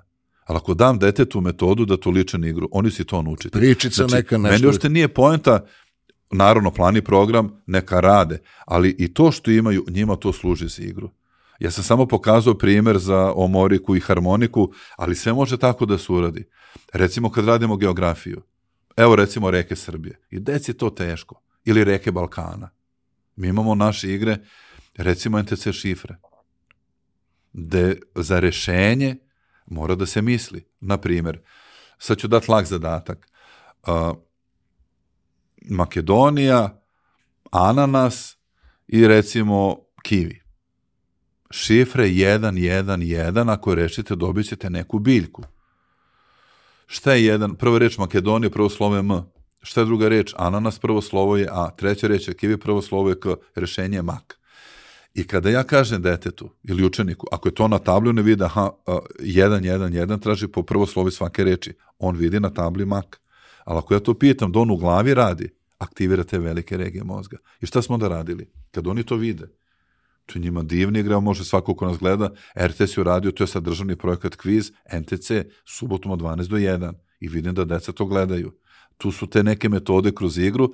Kada deca nauče tu metodu, i recimo radimo reke Balkana, ajde deco, napriti mi reka Una sa nekim drugim rekama da bude šifra. I oni traže, koja reka u svom imenu ima slovo U i aha, Dunav, de U na drugom mestu, pa onda N Una, koja reka ima slovo N, a da nije Dunav, recimo Nišava. Aha, Dunav Nišava i A ima neka reka, recimo Sava, na drugom i četvrtom mestu. Ne kažu, znamo mi, i daju nam zadatak. Dunav, Nišava, Sava. I ko je šifra, ne kažu, dobit ćete Una kada, i oni tačno vide, a, drugo slovo je u Dunavu, u Nišavi je prvo, znači šifre je 2, 1, 2. Znači Dunav, Nišava, Sava, da, da dobijemo ono. A što oni urade? Ja njih podelim učionicu ekipe. Oni sve reke pretražuju Balkana, gledaju koja reka, dok oni to slažu i gledaju, oni nauče sve reka. Nisu učili, nego su se igrali. E, to je tučenje kroz igru. E, bukvalno kako e, funkcioniše mozak entreprenera. Kažu kao, ej, nema. Pa nema gotovo, dajte ga napravimo. Znači, ako već mora da uči reke, možda ne potrebno reke Azije, a nema veze, ja ću da mu napravim da je to što uči da misli, jer nije meni pojenta da on nauči deset reka na pamet pa da ih zaboravi za mesec dana. Meni je pojenta da dete misli, da dobije igru i oni kad misle, oni će to i naučiti. Ako da uče na pamet, zaboravit će. E, to je razlika u tom učenju. Na pamet, mora da se ponovi dva, tri, pet puta, dva dana, pet dana i opet se zaboravi. Ali ako ponovljamo kao papagaj godinu dana, kao tablicu množenja, mi ćemo znati 8 puta 8, 64 istog sekunda.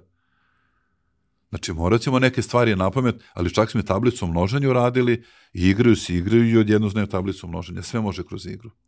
Znači, to su one e, ključne godine kada se ti mladi, prvo dece, ljudi. Do 12. Da, godine dok da se mogu, mozak razvija. Da mogu da funkcionišu kao misleći, a ne kao pamteći. Pa evo, mi nemamo tu sposobnost u glavi da rešavamo uh, kompleksnije stvari. Imamo fonijski jezik, ne koristimo ga dovoljno. Ako hoćemo da pokrenemo te regije mozga, mi imamo našu metodu sakrivanja reči. To je još bilo u Nevenu, u staroj Jugoslaviji, oni su to zvali odljušćivanje koja žensko ime se krije u reči banana, pa kao Ana. Ili koja žensko ime u reči ananas, Ana. Znači tu se nalazi reč u reči. Šta je sledeći korak? Imamo fonetski jezik. Pitamo decu, koja životinja se krije u reči kompas? Oni kažu pas. Znači ne treba ništa da piše, on već u mislima vidi da je tu pas. To je za vrtić. Malo teže. Koja životinja se krije u rečenici mala vaza? Oni vrte po glavi, zamišljaju reči, kažu lav Mala vaza lav. To je sakrivanje reči. I tu se ceo mozak aktivira. I poenta ovoga jeste da oni misle i da te metode koristimo, ja ću reći kako to ide malo teže, evo svako ko nas gleda neka proba da reši, koja životinja se krije u jednom velikom muzičkom instrumentu. I sad vrte, aha, životinja, veliki muzički instrument, klavir, tu je lav. I deca kad vide, recimo ne reše, jel može još jedan primer, jel može još jedan, i oni počinju stvari da se igraju, a mogu da dam ključne reči iz lekcije. I kad radim test sa ljudima koji dođu na predavanje, dam nešto malo teže. Mi nismo taj deo mozga aktivirali u Evropi, u tom starom sistemu, nemamo te mislone procese u vrtiću, sve se radi da dete vidi nivo konkretnog i kad uradimo neki zadatak takav misloni, mi imamo problem, sad sam rekao kompas, pas, mala vaza, lav, to je za vrtić, sad idemo malo teža pitanja i svi koji gledaju nek probaju da reše. Recimo, ovo nije tako teško, ali tu su već malo zahtevni procesi koja uh, država se nalazi u rečenici delfin skače. I sad neka svako koleda proba da reši. Delfin skače. I tu je Finska. Znači, delfin skače, tu je Finska. I mi možemo na taj način da idemo sve teže i teže do momenta da ja vidim da u kratkim tim rečenicama ljude ne mogu da nađu šta sam sakrio. Znači, mi imamo problem jer smo sve naučeni da bude na papiru da piše. Ili recimo primer koji radi moj prijatelj Fedor Munižaba, žito gori. Ko je tu država? Eto, svi koji nas gledaju da probaju da nađu mala država u rečenici žito gori. Kad bi sad napisali na papiru žito gori, videli bi odmah da je tu država Togo. Ali ovako kad kažem u glavi, to je nama teško. Zašto?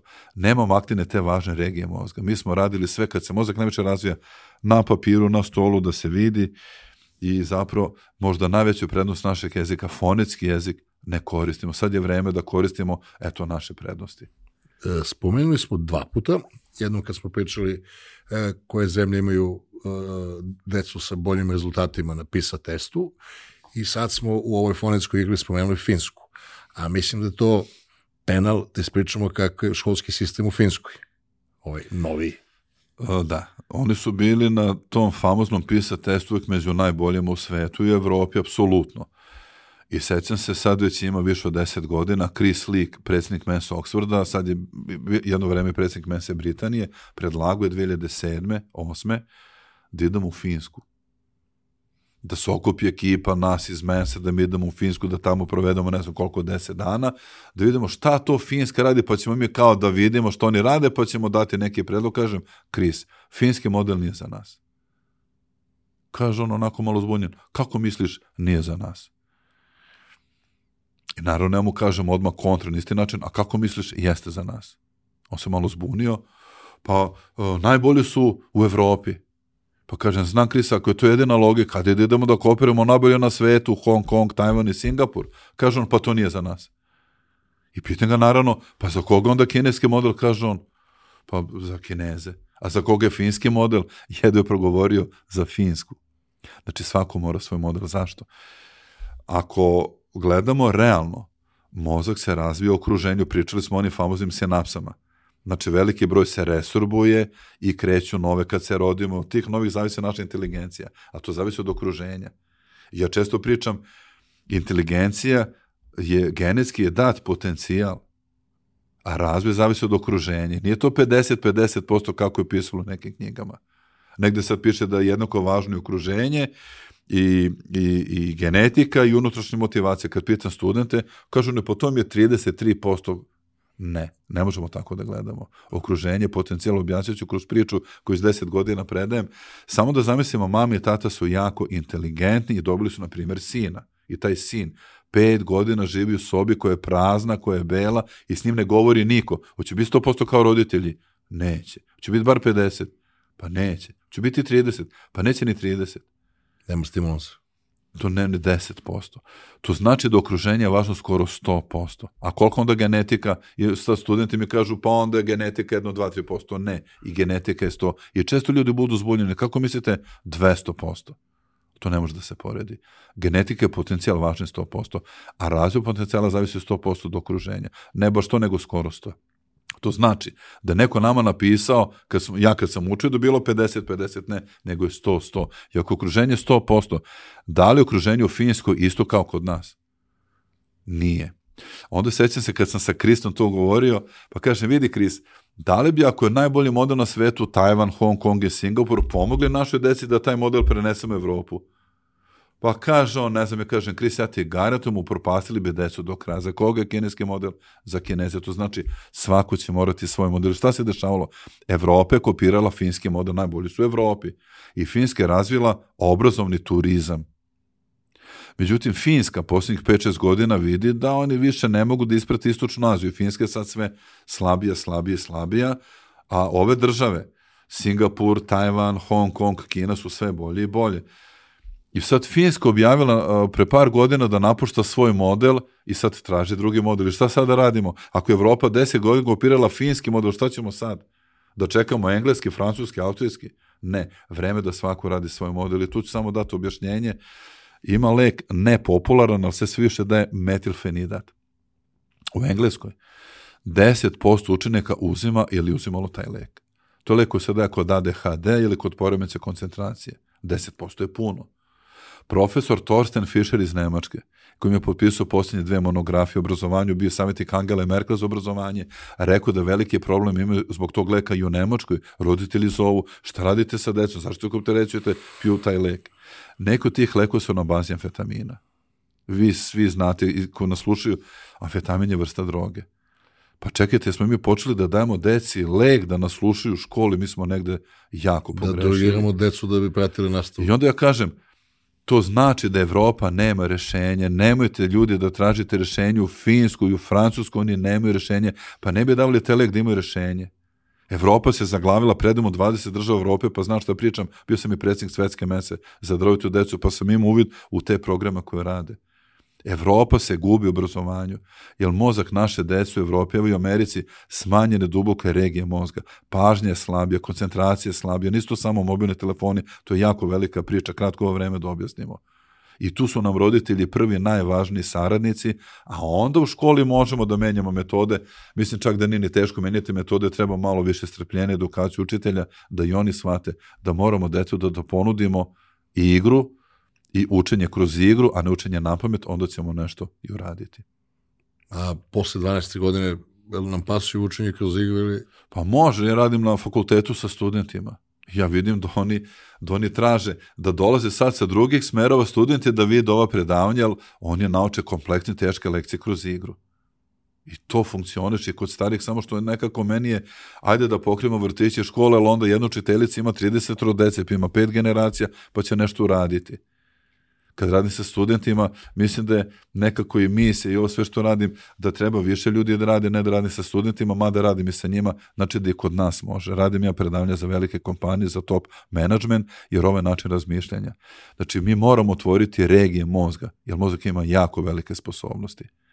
Ako mi to držimo zatvoreno, mi smo pogrešili, kao što je moj sin Vuk rekao, to je kao da imamo njivu sa jako dobrom zemljom gde se ne se ništa. A smo posadili neko loše seme, neki kukuruz, neki kržljivi kukuruz, a mogli smo da stavimo najlepši kukuruz.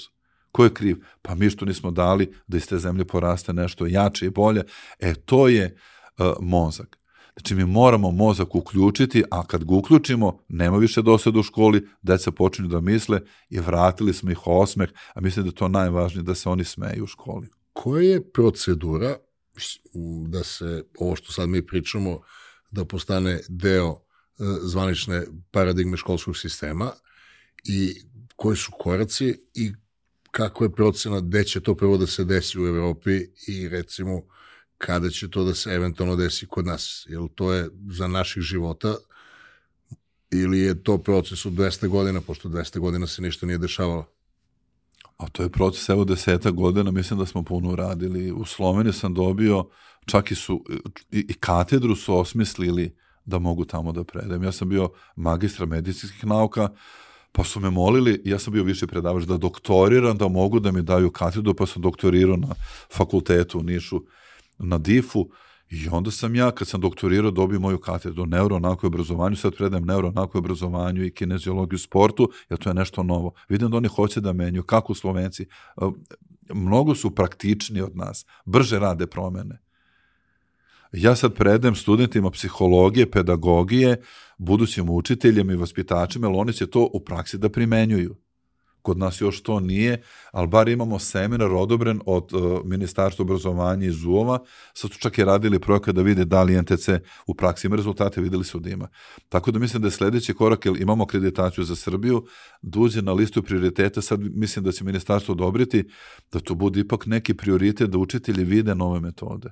Ako već sakupljamo informacije iz 20 država, ako imamo tim koji to radi, ako smo napili puno metoda za različite predmete, zašto to znanje da ne damo ovde? Tako da mislim da tu ide, ide spore nego što sam očekivao, ali ipak ide i velika je stvar za nas RTS, moram da kažem, Jelena Popović se trudila, nemam termina, nemam vremena, ona je zvala pre dve godine. To je deči program. I na kraju smo seli i ona je htela kviz, i sad RTS emituje NTC quiz. Koji je ideja bila na RTS-u? Da pokažu da ima nešto što je deci interesantno. Da pokažemo učiteljima i deci, već sam to spomenuo, da može da se uči na drugačiji način. Ove godine kviz ide sa tim metodama, a iduće godine ćemo školsko gradivo da pokažemo kroz te metode, da bi i na taj način i ministarstvo i, i RTS i ovako putem medija došli do učitelja da oni vide da postoje nešto novo. Jedno preslatko stvorenice iz moje okoline, devojčica jedna prelepa, ove, od moje supruge najbolja drugarica pa čerka, a ja sam sa tom devojčicom u odličnim odnosima, ona me zove Mičko i sve što mama ili moja supruga ne dozvoljava, ja sam kad ja dođem, ja imunizujem sve na, na za, i nju i ovog mog uh, najmlađih sina. E, mali Mičko, Helena, pošto ja nju tako zovem, obožava da gleda kviz.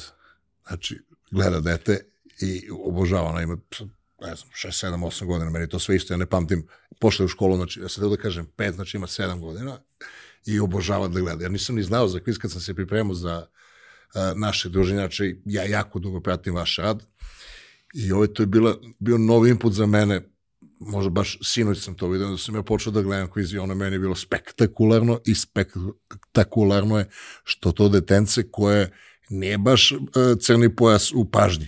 A nije ono da možda gleda nešto mnogo dugo i da, da radi, onako, poprilično je, ne, ne drži je mesto. Uh, Helena to gleda sa veoma velikim uživanjem, meni je to bilo wow.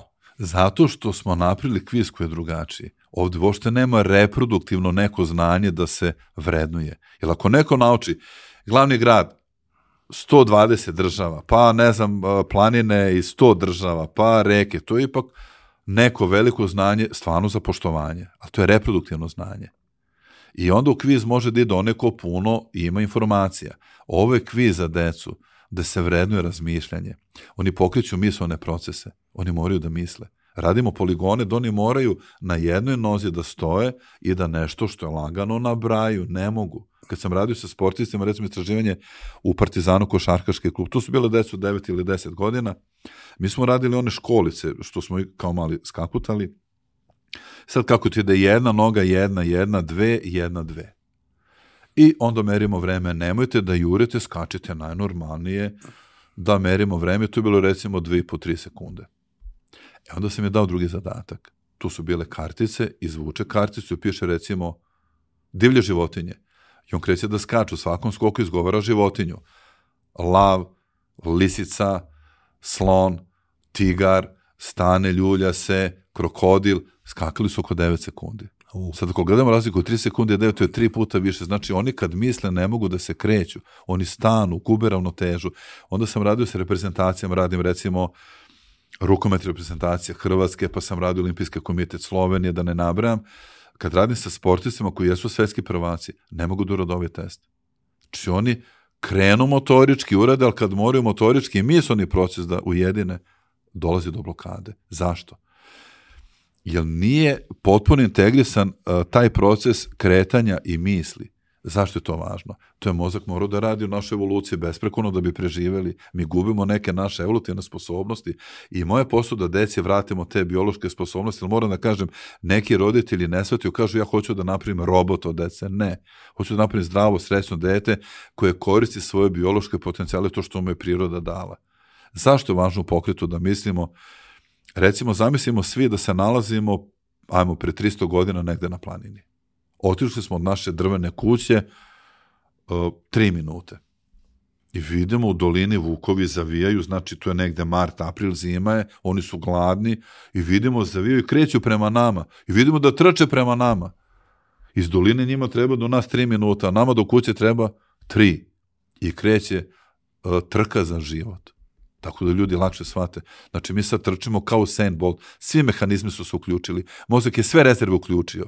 Mišići brže rade, jači su i mi trčimo sprint život. Mi moramo stići do kuće pre Vukova. I u tom trčanju vidimo sa leve strane potok. I pomislimo, daj da preskočim potok, da zavaram trag. Oni će po tragu da me nađu.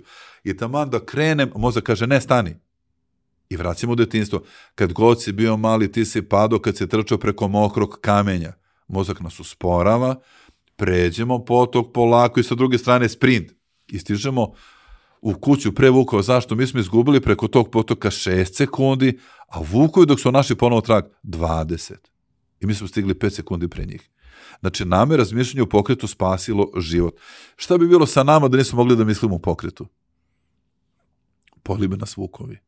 Znači, mozak je funkcionisao, funkcionisao da u kretanju misli, mi smo tu sposobnost izgubili. Kad radim sa decom koji još nisu vrhunski sportisti, ja dobijem produženje tri puta, znači razlika motorički, motorički plus misloni proces tri puta. Kad radim sa reprezentativcima i prvacima sveta, dobijem jedan i po do dva puta. Znači, ipak su oni malo bolje. I u tom prostoru, sad radimo već i vrhunski sport, leži mogućnost napretka tog sportiste, da brže procesuira razmišljanje, dve, tri kombinacije. Mislim da će to biti u budućnost sporta. U sportu mi smo došli motorički do maksimuma. Čovjek je skočio u dalj, 9 metara, skočio u viz i sad svetski rekord se pomera 1 mm centimetra na 10 godina. Da. Na 10. Znači mi sad moramo da uključimo mozak, jer tu su ogromne rezerve, ali nije meni cilj mozak u sportu, nego mozak u vrtiću u školi. Idealno si mi E, ste mi servirali da ja postavim pitanje, verovalo se da neće beli čovek nikada da igra bolje košarku od crnog čoveka. I mi sad iz dve balkanske države imamo, ne zna se ko je bolji, pametniji, luđi od Dončića i od uh, Jokića. Da. Pri čemu, ajde, Dončić ima ultra mega fiziku, A Jokić ono, mislim, može povremeno i da skoči. Jokić je mozak po onome što ja gledam kao neko ko prede neuronauke u sportu. Njegov mozak brže radi. On ima tu sposobnost. Jer ako mozak brže radi... Njemu se sve dešava usporeno. Malo usporenije. Samo da se vratimo na priču o Vukovima, ali mozak kad brže radi, mi trčimo isto ti pored potoka i sad recimo, da se vratim pa ću povezati sa Jokićem, mi trčimo uz taj potok. Sa leve strane provalija, sa desne potok i gusta šuma. I mi trčimo još minut imamo do kuće. I vidimo grane preprečila put. Ima 20 metra do te grane. A realno mi to pretrčimo za 3 sekunde. Ali pošto mozak jako brzo rade, ili je životna opasnost, nama te 3 sekunde izgledaju kao 30 sekundi. Zašto mozak to radi? Mozak ubrzava da nam uspori vreme. I mi dok trčimo tih 3 sekunda, a nama to izgleda da nikad da stignemo, znači mozak brzo radi, nama se čini da je to 20 sekundi. I mi trčimo nikako do te grane da dođemo i trčimo i gledamo i gledamo i shvatimo da je šuma puna zelenog lišća, da je to već, recimo, april krenulo lišće, a vidimo ovo drvo da je potpuno suvo i shvatimo, pa to je suva grana. I mozak nas vraća kad smo bili mali, to deca radi instinktivno uzimaju suvu granu sa trave i udaraju suve grane po osnovnom drveću kao mačen da ih odseku. To deca radi instinktivno. I mi shvatamo, ta grana je suva i nećemo ni da mislimo da li da preskačemo ili ispod nje. Svojim telom je lomimo i ne gubimo ni deli sekunde. Znači, mozak radi brzo da bi nam pomogao. I sad, ako sportist ima tu mogućnost, neće on naprijeti od 3 sekunde 30, njemu je dovoljno da naprije od 3 sekunde 3,2 da malo brže uredi reakciju i misao od igrača koji je protivnik i on će, to Jokić ima. Znači, Jokić ima tu sposobnost. Da, I tu se vidi ta inteligencija i brzina rada mozga i on zato može da primeti jako puno stvari, njegov mozak radi drugačije. To nije utrenirano. On je to razvio, to se razvio kroz rano detinstvo. Sad šta je kako radio? Jedno, ćemo pa možda, možda ona škola bez dvorišta. Možda, bez, bez, bez ograda. Da, li ima tu sigurno puno faktora, ali hoću da kažem, rad mozga. Ako hoćemo da radi malo brže, imamo čak i metode, tu uvodimo neke, neke sportove, uh, imamo čak sad na, na fakultetu da predamo u Novom Sadu Teams, jedan od studenta radi Ivan, uh, konjički sport, preskakanje prepona. I sad je pitao profesora, da li ja mogu to da probam?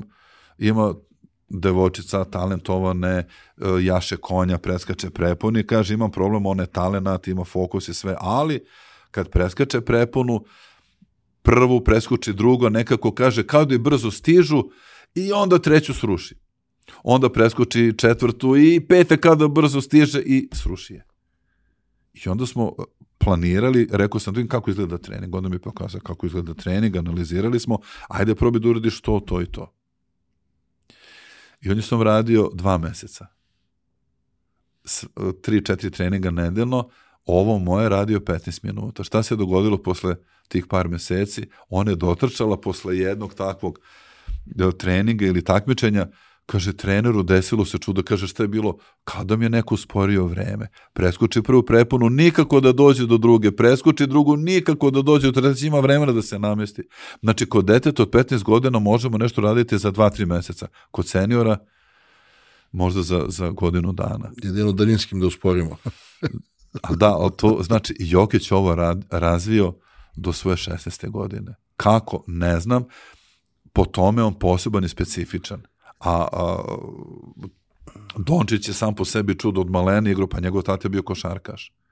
Znači, Dončić imao taj osjećaj od malena. Ne bih ja mnogo uh, izdvojio Jokića iz priče o Dončiću. Ja, I Dončić ima tu sposobnost, vidim ja po reakcijama, jel to se vidi? Ali skroz izlazi iz klišeja, skroz potpuno drugačije.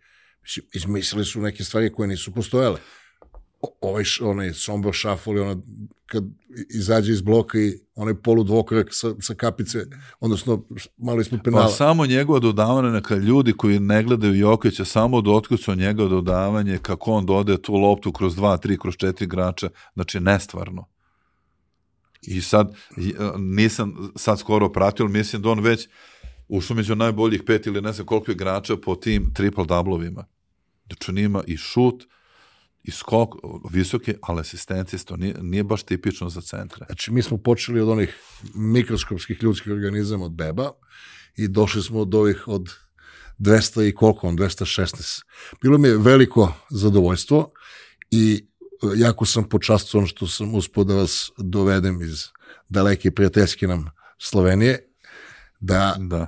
u ovom podcastu koji ja onako veoma ozbiljno pristupam, nameram je da pričam sa ljudima koji mogu da nam razjasne neke stvari o svetu, da nam daju makar i jednu rečenicu koja će nekom tamo da kaže aha, veliko hvala što ste bili moj gost. Hvala, hvala i vama za priliku da ovo sve lepo ispričamo, da ljudima malo zaokružimo priču, da bude jasnije šta od njih zavisi, to jest od roditelja i kako možemo da pomožemo. Kako deci. mogu da nađu bilo što od materijala, recimo sad? Pa ima sajt ntcučanje.com, tu je sve dostupno, otvoreno, besplatno, ima jako puno korisnih tekstova, ima čak i neko vreme za NTC aktivnosti koje mogu da rade kod kuće u školi, tako da mogu na sajtu ntcučanje.com i RTS kviz subotom od 12 do 1.